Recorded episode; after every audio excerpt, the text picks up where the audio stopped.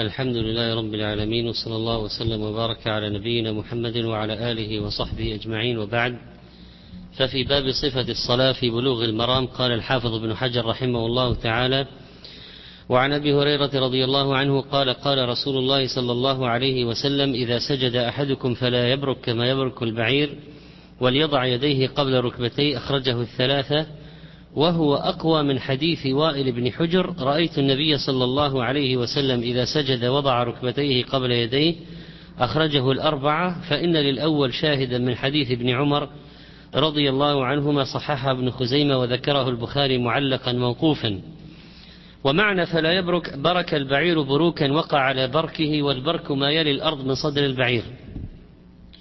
وقد ورد في صفة الهوي إلى السجود ثلاثة أحاديث ومنها حديث أبي هريرة رضي الله عنه الذي تقدم وحديث ابن عمر الذي رواه البخاري معلقا موقوفا كان ابن عمر يضع يديه قبل ركبتيه وحديث وائل بن حجر المتقدم آنفا. حديث أبي هريرة وابن عمر متفقان بأن الأفضل هو وصول اليدين قبل الركبتين وحديث وائل بن حجر مخالف لهما. وهنا اختلف العلماء. فرجح بعضهم حديثي أبي هريرة وابن عمر وقد أشار الحافظ رحمه الله إلى تقوية حديث أبي هريرة وقالوا أيضا إن ركبتا البعير في يديه. إن إن ركبتي البعير في يديه. وكذا ركبتا كل أربع كما قال صاحب لسان العرب. ويعرفه أصحاب الإبل أيضا. فهما أول ما ينزل إلى الأرض. إذا برك البعير أول ما يبرك على ركبتيه اللتين في يديه. على ركبتيه اللتين في يديه. والإنسان ركبتاه في رجليه. فلا ينبغي أن تصل قبل يديه. فالنهي منصب على الركبتين أن لا تتقدم في النزول مثل البعير.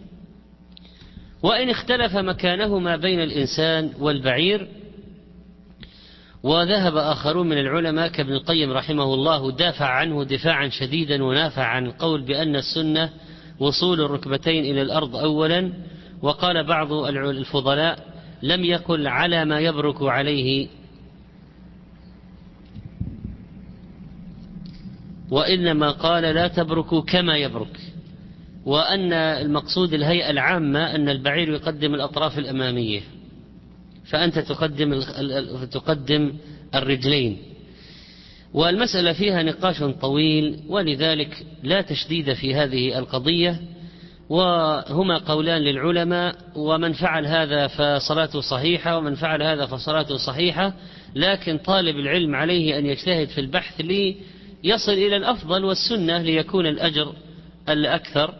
ومن ناحية الصناعة الحديثية حديث أبي هريرة هو الأقوى والأرجح الذي فيه أن المسلم أو المصلي يقدم اليدين أولا. وعن ابن عمر رضي الله عنهما أن رسول الله صلى الله عليه وسلم كان إذا قعد للتشهد وضع يده اليسرى على ركبته اليسرى واليمنى على اليمنى وعقد ثلاثا وخمسين وأشار بإصبعه السبابة رواه مسلم وفي رواية له وقبض أصابعه كلها وأشار بالتي تلي الإبهام. سمي هذا الذكر المخصوص تشهدا لاشتماله على كلمتي الشهادة.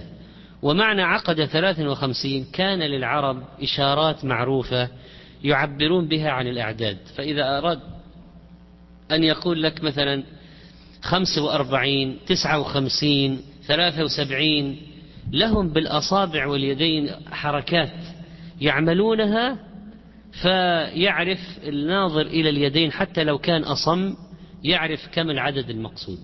هذه أشياء العرب كانت تتعامل فيها.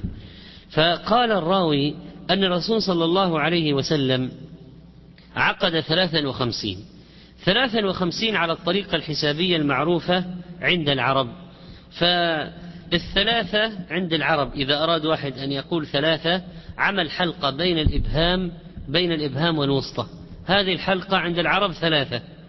والخمسين يقبض الخنصر والبنصر يقبض الخنصر والبنصر ويشير بالسبابة. فهذه فهذه هذه الخمسين. الخنصر والبنصر إشارة بالسبابة الخمسين. والثلاث الحلقة هذه. هذا عند العرب أربعة وخمسين لها شكل آخر. تسعة وسبعين لها شكل آخر. وهكذا. لكن الراوي أراد أن يقول كيف فعل النبي صلى الله عليه وسلم أنه أشار بيده كما تفعل العرب عندما تعقد ثلاثا وخمسين.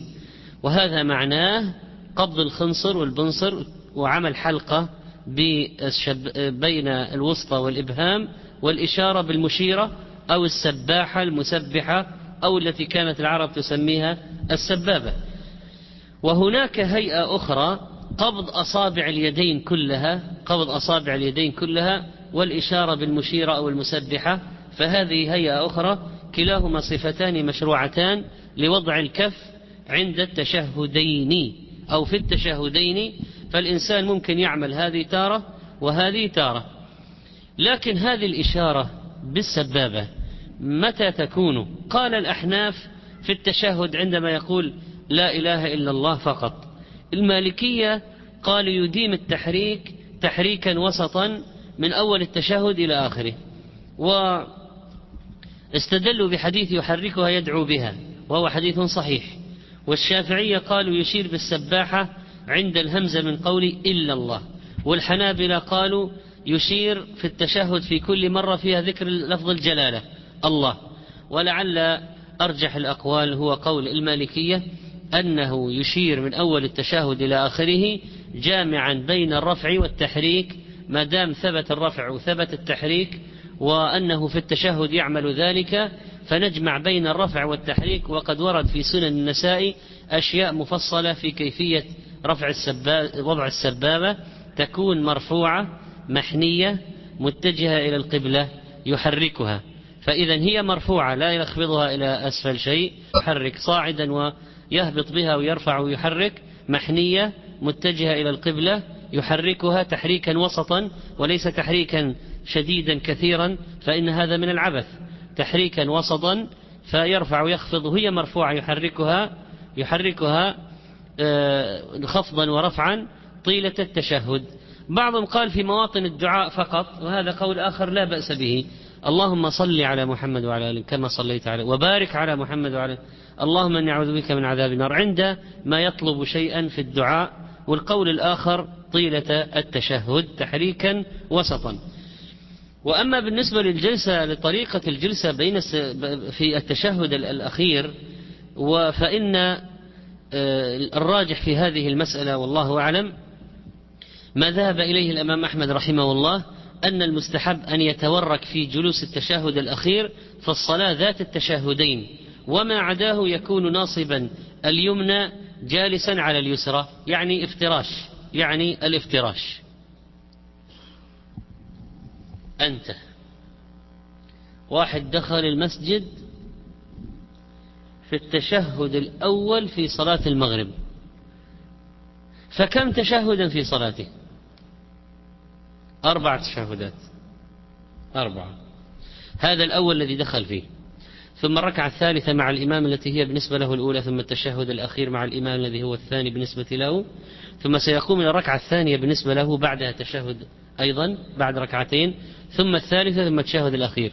السؤال هو الآن أنت. أي منها الافتراش وأي منها التورك هذه الصلاة التي فيها أربع تشهدات بالنسبة لهذا المأموم؟ نعم. الأخير ماذا فيه؟ تورك. والثلاثة الأولى؟ كلها افتراش. فإذا نظرا لما جاء في حديث أبي حميد الساعدي حديث أبي حميد الساعدي ذكر فيه التورك في الصلاة التي فيها تشهدين. الصلاة التي فيها تشهدان فإذا التشهد الأخير الصلاة اللي فيها أكثر من تشهد. التشهد الأخير تورك والباقي افتراش هذا هو الراجح. وبناء عليه أنت. ركعة الوتر كيف يجلسها؟ أي أي افتراش وعن عبد الله بن مسعود رضي الله عنه قال التفت رسول الله صلى الله عليه وسلم فقال إذا صلى أحدكم فليقل التحيات لله والصلوات والطيبات السلام عليك أيها النبي ورحمة الله وبركاته. السلام علينا وعلى عباد الله الصالحين أشهد أن لا إله إلا الله وأشهد أن محمدا عبده ورسوله. ثم ليتخير من الدعاء أعجبه إليه فيدعو متفق عليه.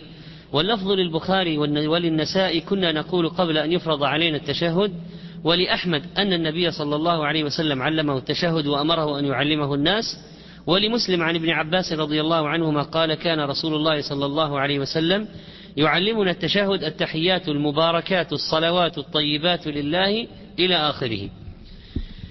فهذا ما يقوله المصلي عندما يقعد للتشهد فإنه يعظم الله ويبين إخلاص النية لله بأن التحيات لله لا لغيره وكذلك الصلوات والطيبات.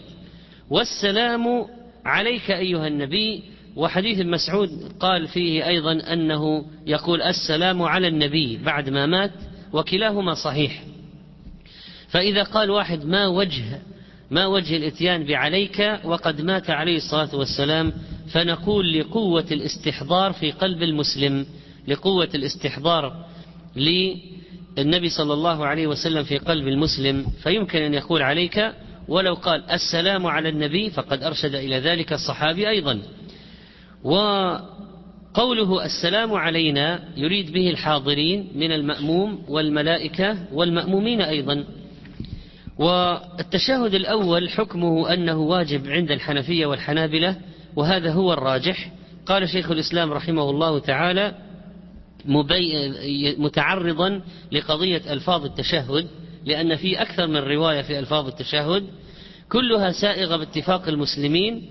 وأصل الإمام أحمد القاعدة عند الإمام أحمد في مثل هذه الحالات استحسان كل ما يثبت عنه صلى الله عليه وسلم.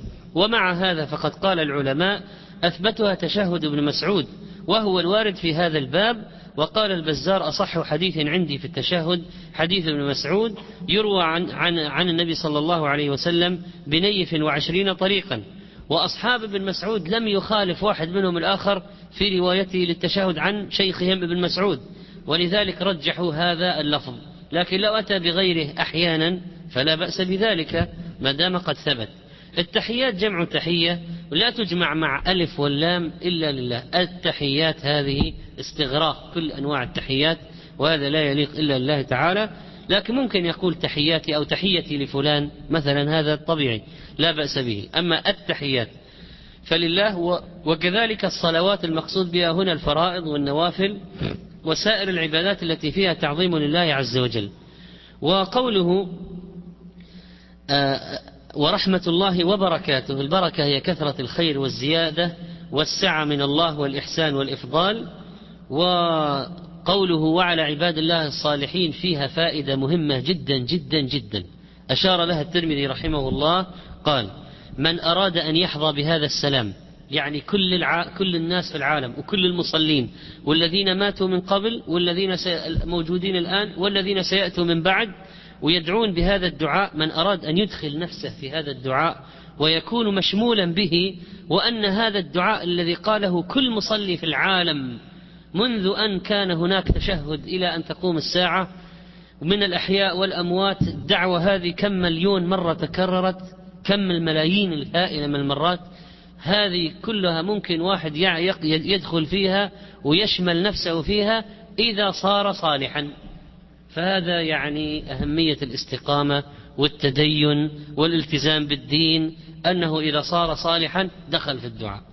فكل واحد خاشع يقول يدعو بهذا يصيب هذا الدعاء لهذا الشخص الصالح.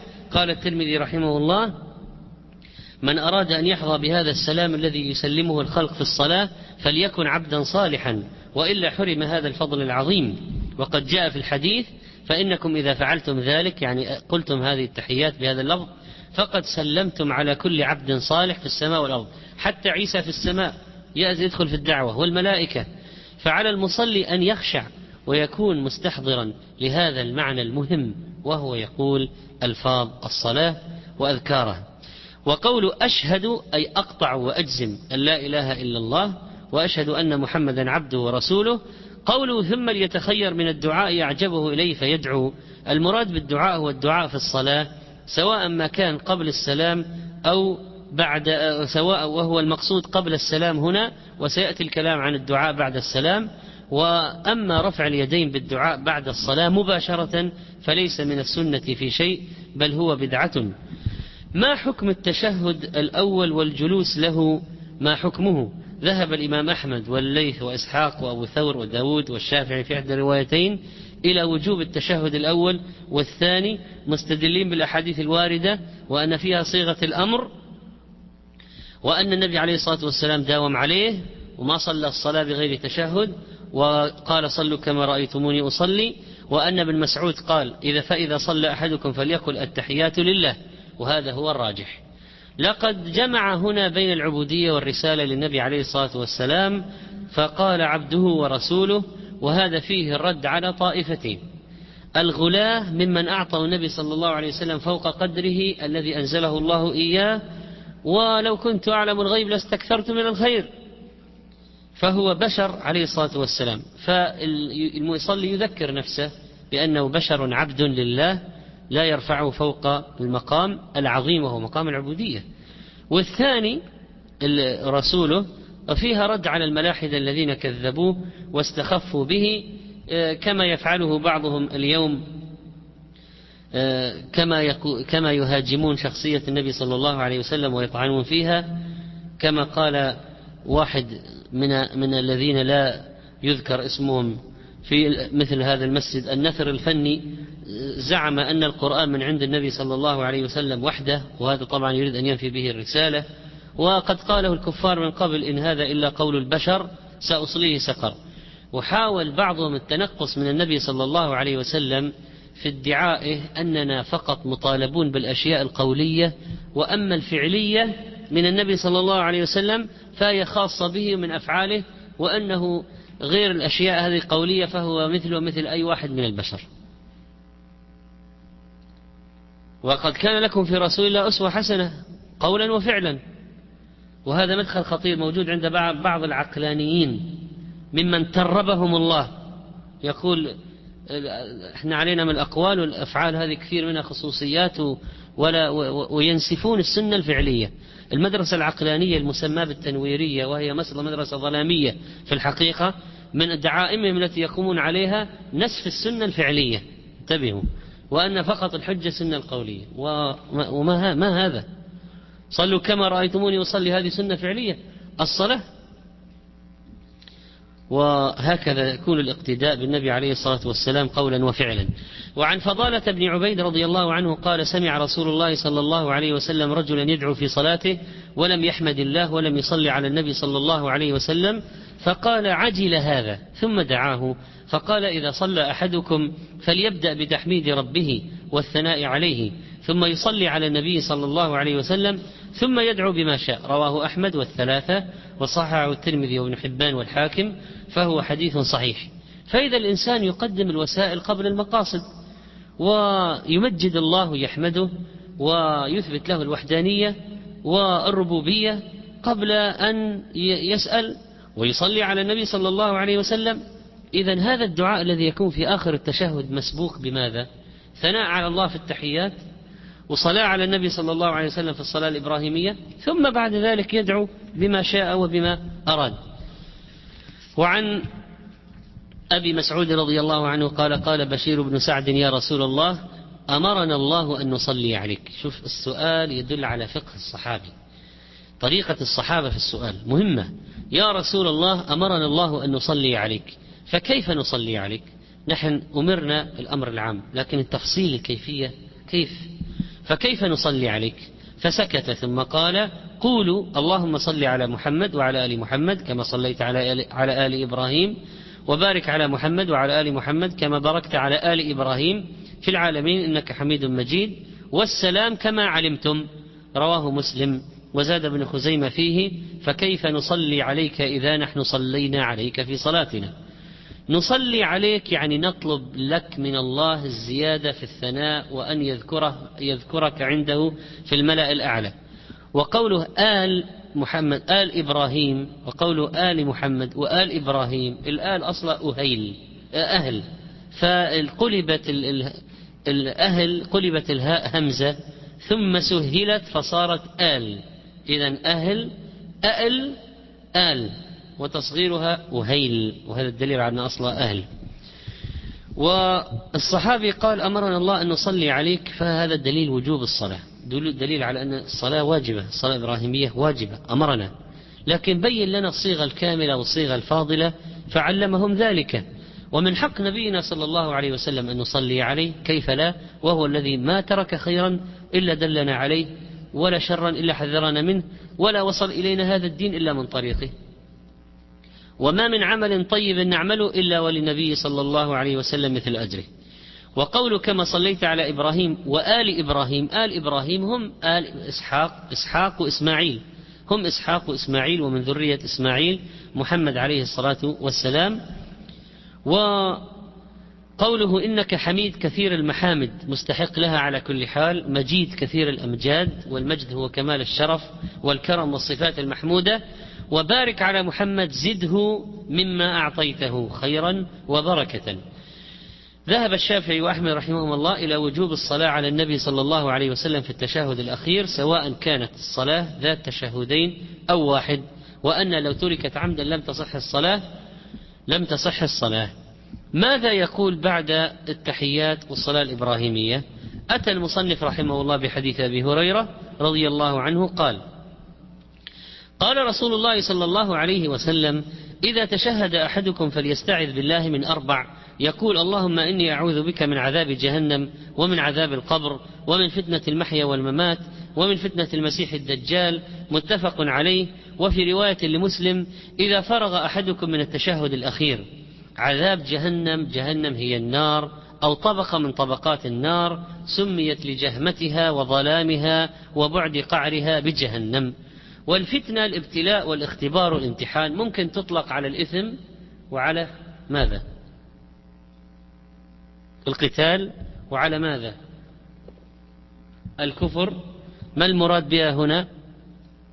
الفتنة الابتلاء والامتحان والاختبار. هذه فتنة المحيا والممات وفتنة المسيح الدجال والدجال سمي بالمسيح لأنه لأن الخير مسح منه أو لأنه يمسح الأرض كلها إذا أراد الله وأذن بأن يخرج أو لأن عينه الواحدة ممسوحة.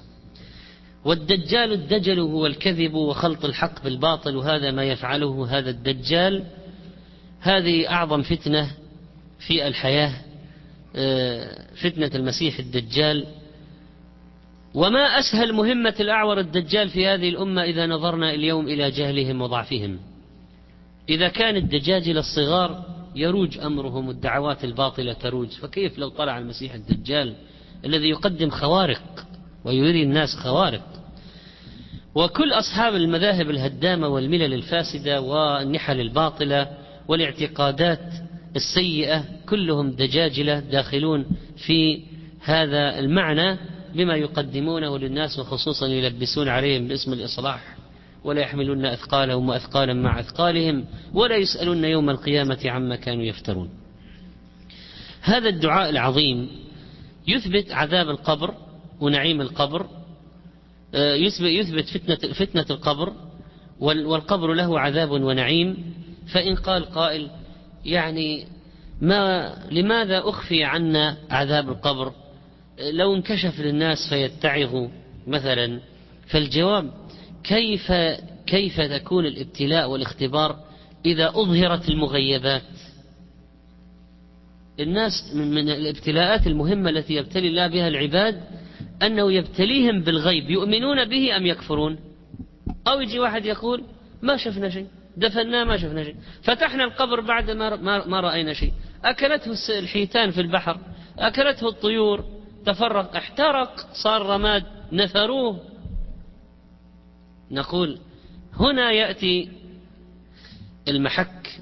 على المحك المحنة والابتلاء الفتنة. فلينظر هل يؤمنون بذلك أم لا. وأن الله على كل شيء قدير وأنه يجمعه ويوقع عليه فتنة القبر. وعذاب القبر إن كان من المجرمين وفي ونعيم القبر إن كان من المؤمنين الصالحين. ولا وتأمل يعني لو صار لو صارت فتنة القبر أو عذاب القبر مكشوفا للناس فأولا لا يمكن ينام أحد. لا يمكن أحد ينام ولا يتهنى بطعام إطلاقا. الناس لا يستطيعون. يروا فتنة القبر وهم أحياء لا أحد يذوق طعاما ولا مناما. ثانيا كما قلنا أو أولا الابتلاء والاختبار بقضية الإيمان بها فأخفيت علينا. ثم لو انكشف هذا المعذب ففضيحة لأهله فضيحة لأهله وأقاربه وخزي لهم ثم لو اطلع الأحياء عليها ما دفن أحد أحدا من الهول وذلك قال لولا أن لا تدافنوا لولا أن لا تدافنوا خشية أن لا تدافنوا وإلا كان دعوت الله أن يكشف لكم هذا. والنبي صلى الله عليه وسلم أرشد إلى الاستعاذة من هذه الأشياء الأربعة من عذاب جهنم وهو أسوأها وأشدها وعذاب القبر وفتنة المحيا الشبهات والشهوات. والممات ما يحدث من السؤال في القبر والتشديد على الميت وكل واحد لا بد أن يفتن في قبره وأن يسأل ويشدد عليه فإن كان من أهل الإيمان والدين ثبته الله بالقول الثابت في قبره وأجاب وفتنة المسيح الدجال التي نستعيذ بالله منها لشدتها كل الأمة مع أنه ما خرج في الأجيال الماضية لكن من هول فتنته وشدتها يستعيذون يوميا من فتنة المسيح الدجال أيضا. هل سأل أحد من الصحابة النبي صلى الله عليه وسلم أن يعلمه دعاء يدعو به في التشهد؟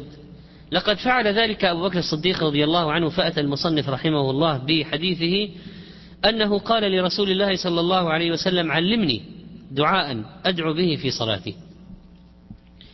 طبعا لما يأتي السؤال من أبي بكر الصديق وهو صاحبه ورفيقه في الهجرة وأمن الناس عليه أبو بكر الصديق فلا بد أن يعلمه دعاء عظيما جدا وقد سأله. فقال قل اللهم إني ظلمت نفسي ظلما كثيرا ولا يغفر الذنوب إلا أنت. فاغفر لي مغفرة من عندك وارحمني إنك أنت الغفور الرحيم. فهذا دعاء عظيم مشتمل على الاعتراف بالذنب وعلى الاعتراف بالتقصير والتوسل إلى الله بأسمائه الحسنى واستدفاع المكروهات وأن الداعي يأتي من الصفات بما يناسب المقام. تأمل قوله فاغفر لي مغفرة من عندك وارحمني إنك أنت الغفور الرحيم. وهذا يسميه علماء البلاغة أسلوب اللف والنشر مرتب. لف ونشر مرتب. فقال اغفر لي مغفرة من عندك وارحمني إنك أنت الغفور تبع الأول والرحيم تبع ارحمني الثاني الدعاء الثاني اللف والنشر المرتب وهذا الدعاء الوارد المأثور أفضل من غيره بعد الاستعاذة من أربع. أفضل من أي دعاء آخر بعد الاستعاذة من أربع كيف لا وقد علمه صاحبه ورفيقه.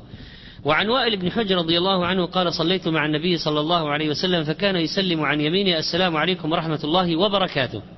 وعن شماله السلام عليكم ورحمة الله وبركاته. رواه أبو داود بإسناد صحيح. بعض العلماء أنكروا لفظة وبركاته قالوا ما وجدناها في نسخ أبي داود ولكن هناك نسخ أخرى ربما لم يطلعوا عليها موجود فيها هذه اللفظة وبركاته نسخة اللؤلؤي التي كتبها عن أبي داود. وهذه النسخة لم تنل حظها من الطباعة في ما طبع من سنن أبي داود ووجدت وحققت موجود فيها لفظة وبركاته وبالتالي فإن ابن حجر الخبير بالمخطوطات وبالكتب قد أثبت الرواية وفيها وبركاته في التسليمة الأولى وفي التسليمة الثانية. فصار عندنا إذن السلام عليكم ورحمة الله يمينا السلام عليكم شمالا. السلام عليكم ورحمة الله يمينا السلام عليكم ورحمة الله شمالا. السلام عليكم ورحمة الله وبركاته. يمينا. السلام عليكم ورحمة الله شمالا. السلام عليكم ورحمة الله وبركاته يمينا. السلام عليكم ورحمة الله وبركاته شمالا. الروايات الثابتة يعمل بها على القاعدة. مر هذا ومر بهذا. ما دام الكل قد ثبت. لكن ما خروج المصلي من صلاته بالتسليم؟ هل التسليمة الأولى أو الثانية؟ لأنه قد علمنا أن تحليلها التسليم. وأن تحليلها التسليم. فهل هما أي تسليم هنا؟ لأنه يلتفت على اليمين حتى يريهم بياض الخد الأيمن.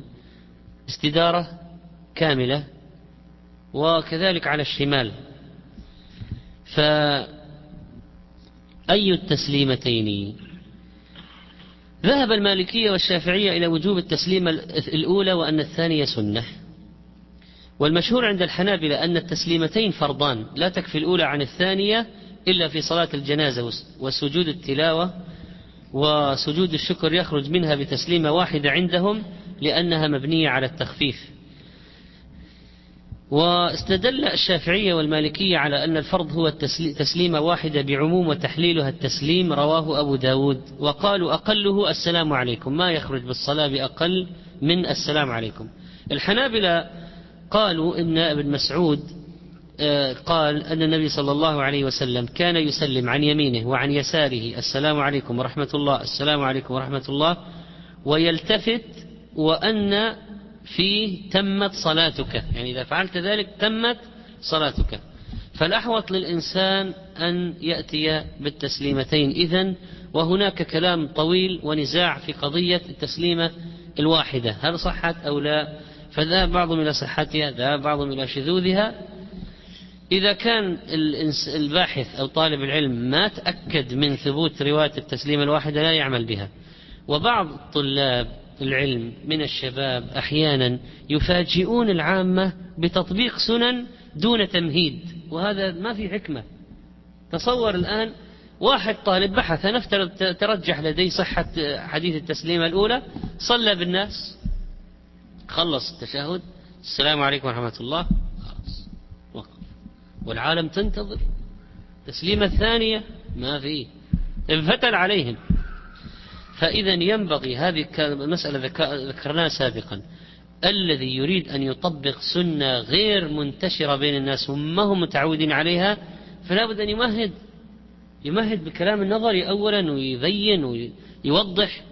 وإذا رأى الشيء مشكوك فيه وهناك من أنكره ما في داعي لتطبيقه لأن العامة قد يسمعون كلام عالم في برامج الإفتاء في الإذاعة أو في غيرها ممن ينكر. فيقولون إمامنا هذا يعني جاهل يفعل أشياء فينبغي إذن أن لا يؤتى بالغرائب مثلا للناس أو الأشياء التي تجعل هذا الشخص يتهم. لكن في نفس الوقت إذا كانت أو في الوقت نفسه إذا كانت السنة ثابتة وخصوصا التي الجمهور العلماء أشاروا إليها ومثبتوها فتعلم للناس حتى لو كان الناس يجهلونها. وعن المغيرة بن شعبة رضي الله عنه أن النبي صلى الله عليه وسلم كان يقول في دبر كل صلاة مكتوبة لا إله إلا الله وحده لا شريك له له الملك وله الحمد وهو على كل شيء قدير اللهم لا مانع لما أعطيت ولا معطي لما منعت ولا ينفع ذا الجد منك الجد. هذا ذكر مشروع آخر مستحب بعد الصلوات الخمس يكون بعد التسليم مباشرة بعد الاستغفار ثلاث مرات. فيرتب هذا الذكر بعد الصلوات الخمس يستغفر ثلاثا ثم يقول اللهم أنت السلام ثم يقول لا إله إلا الله وحده لا شريك له. مرة واحدة إلا المغرب والفجر ثبت فيها عشر مرات ويقول بعد ذلك سبحان الله والحمد لله والله أكبر ثلاثا وثلاثين وتمام المئة لا إله إلا الله وحده لا شريك له. ثم قراءة آية الكرسي ثم الإخلاص والمعوذتين. وفي المغرب والفجر يقول بعد اللهم أجري من النار سبع مرات. فهذا الترتيب العام للأذكار والأدعية والآيات أو السور بعد القراءة. لأن في أذكار في أدعية وفي آيات آيات الكرسي وفي سور الإخلاص المعوذتين. فإذا أستغفر الله ثلاثا اللهم أنت السلام لا إله إلا الله وحده لا شريك له سبحان الله ثلاثا وثلاثين والحمد لله والله أكبر. آية الكرسي الإخلاص المعوذتين اللهم أجرني من النار سبع مرات بعد المغرب والفجر. وعن سعد بن أبي وقاص رضي الله عنه أن رسول الله صلى الله عليه وسلم كان يتعوذ بهن دبر كل صلاة. ما هي؟ شوقنا الراوي شوقنا. استخدم أسلوب التشويق بهن. قال اللهم إني أعوذ بك من البخل وأعوذ بك من الجبن وأعوذ بك من أن أرد إلى أرض العمر وأعوذ بك من فتنة الدنيا وأعوذ بك من عذاب القبر رواه البخاري. دبر كل صلاة يحتمل أن يكون على باللغة دبر كل شيء منه أنه من الصلاة يعني قبل السلام. ويحتمل أن يكون الدبر أيضا في اللغة يأتي أيضا بمعنى ما كان بعد الشيء متابعا له مباشرة وراءه مباشرة فيكون هذا بعد السلام. صنيع بن حجر رحمه الله يختار أن الدعاء هذا اللهم إني أعوذ بك من البخل وأعوذ بك من الجبن ترتيب ابن حجر يختار أن الدبر الذي في الحديث هذا مفسر بما كان قبل السلام أو بعد السلام. بعد السلام هذا واضح من فعل ابن حجر رحمه الله فهذا ترجيحه. أما شيخ الإسلام ابن تيمية رحمه الله ذهب إلى مشروعية الدعاء وفضيلته بعد التشهد وقبل السلام وقال والدعاء في آخر الصلاة قبل الخروج منها مشروع بالسنة المستفيضة وإجماع المسلمين فقد كان غالب دعائه صلى الله عليه وسلم بعد التشهد قبل السلام وعامة الأدعية المتعلقة بالصلاة فإن فعلها فيها وأمر فإنه فعلها فيها وأمر بها فيها وهو اللائق بحالة المصلي فإنه مقبل على ربه يناجيه. إلى آخر كلامه رحمه الله. فهو يرجح أن الأدعية قبل السلام. ابن حجر رحمه الله يرجح الدبر أنه بعد. وعن ثوبان رضي الله عنه قال كان رسول الله صلى الله عليه وسلم إذا انصرف من صلاته استغفر الله ثلاثا وقال اللهم أنت السلام ومنك السلام تباركت يا ذا الجلال والإكرام رواه مسلم. أنت السلام سالم من المتغيرات وسالم من الآفات وسالم من النقائص وسالم من العيوب. وقد آه يعطي السلامة من يشاء من عباده ويسلمهم من عذابه بدخولهم جنته. وكذلك يسلمهم من الآفات في الدنيا متى شاء سبحانه وتعالى ومنك السلام يرجى ويستوهب فمبدأه من الله أيضا. بعض العامة يقولون وعليك السلام هذا لفظ قبيح منكر لا يليق بالله تعالى أبدا. اللهم أنت السلام ومنك السلام. تباركت يا ذا الجلال الجلال إجلال الله عن النقائص والعيوب والإكرام الصفات الثبوتية فهو مقابل للجلال. فالجلال إجلال الله عن النقائص والإكرام إثبات الصفات الثبوتية الكريمة لله سبحانه وتعالى.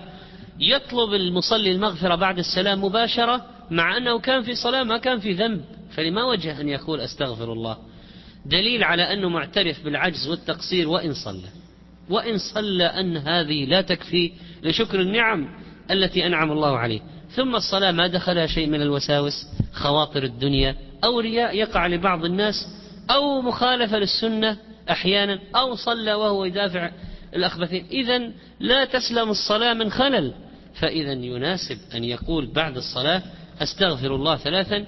وعبارة ذي الجلال والإكرام مهمة ولذلك قال في الحديث الصحيح ألظوا ألظوا بيا الجلال والإكرام. فالإنسان إذا دعا بها فإنه يستجاب له كما قال النبي صلى الله عليه وسلم وهو يمر على رجل دعا يا ذا الجلال والإكرام قال استجيب لك. يستحب في حق الإمام بعد السلام أن لا يبقى أكثر من مدة هذا الذكر. استغفر الله استغفر الله استغفر الله اللهم أنت السلام. إلى نهاية الجلال والإكرام يستدير ويلتفت ولا يطيل الجلوس مستقبل القبلة لأمور. منها أن الاستدارة تواضع والاستدبار بعد انتهاء الصلاة والتطويل نوع كبر. لا لا يليق ولا يناسب الإمام أن يفعله أبدا. وكذلك فإن الانفتال يبين لمن دخل للتو للتو دخل. من الباب أن الصلاة قد قضيت. لو ما استدار ربما واحد يدخل يجلس يصلي وظن الصلاة ما انتهت والصلاة قد انتهت. وكان صلى الله عليه وسلم إذا سلم لم يقعد إلا مقدار ما يقول اللهم أنت السلام ومنك السلام كما جاء في هذا الحديث. وسنتابع بمشيئة الله تعالى الكلام على الأذكار والآيات بعد السلام من الصلاة في الدرس القادم.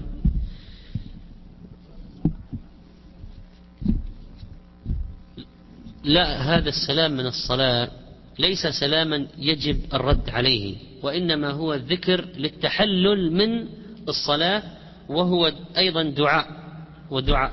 وليس تحية للناس يجب ردها.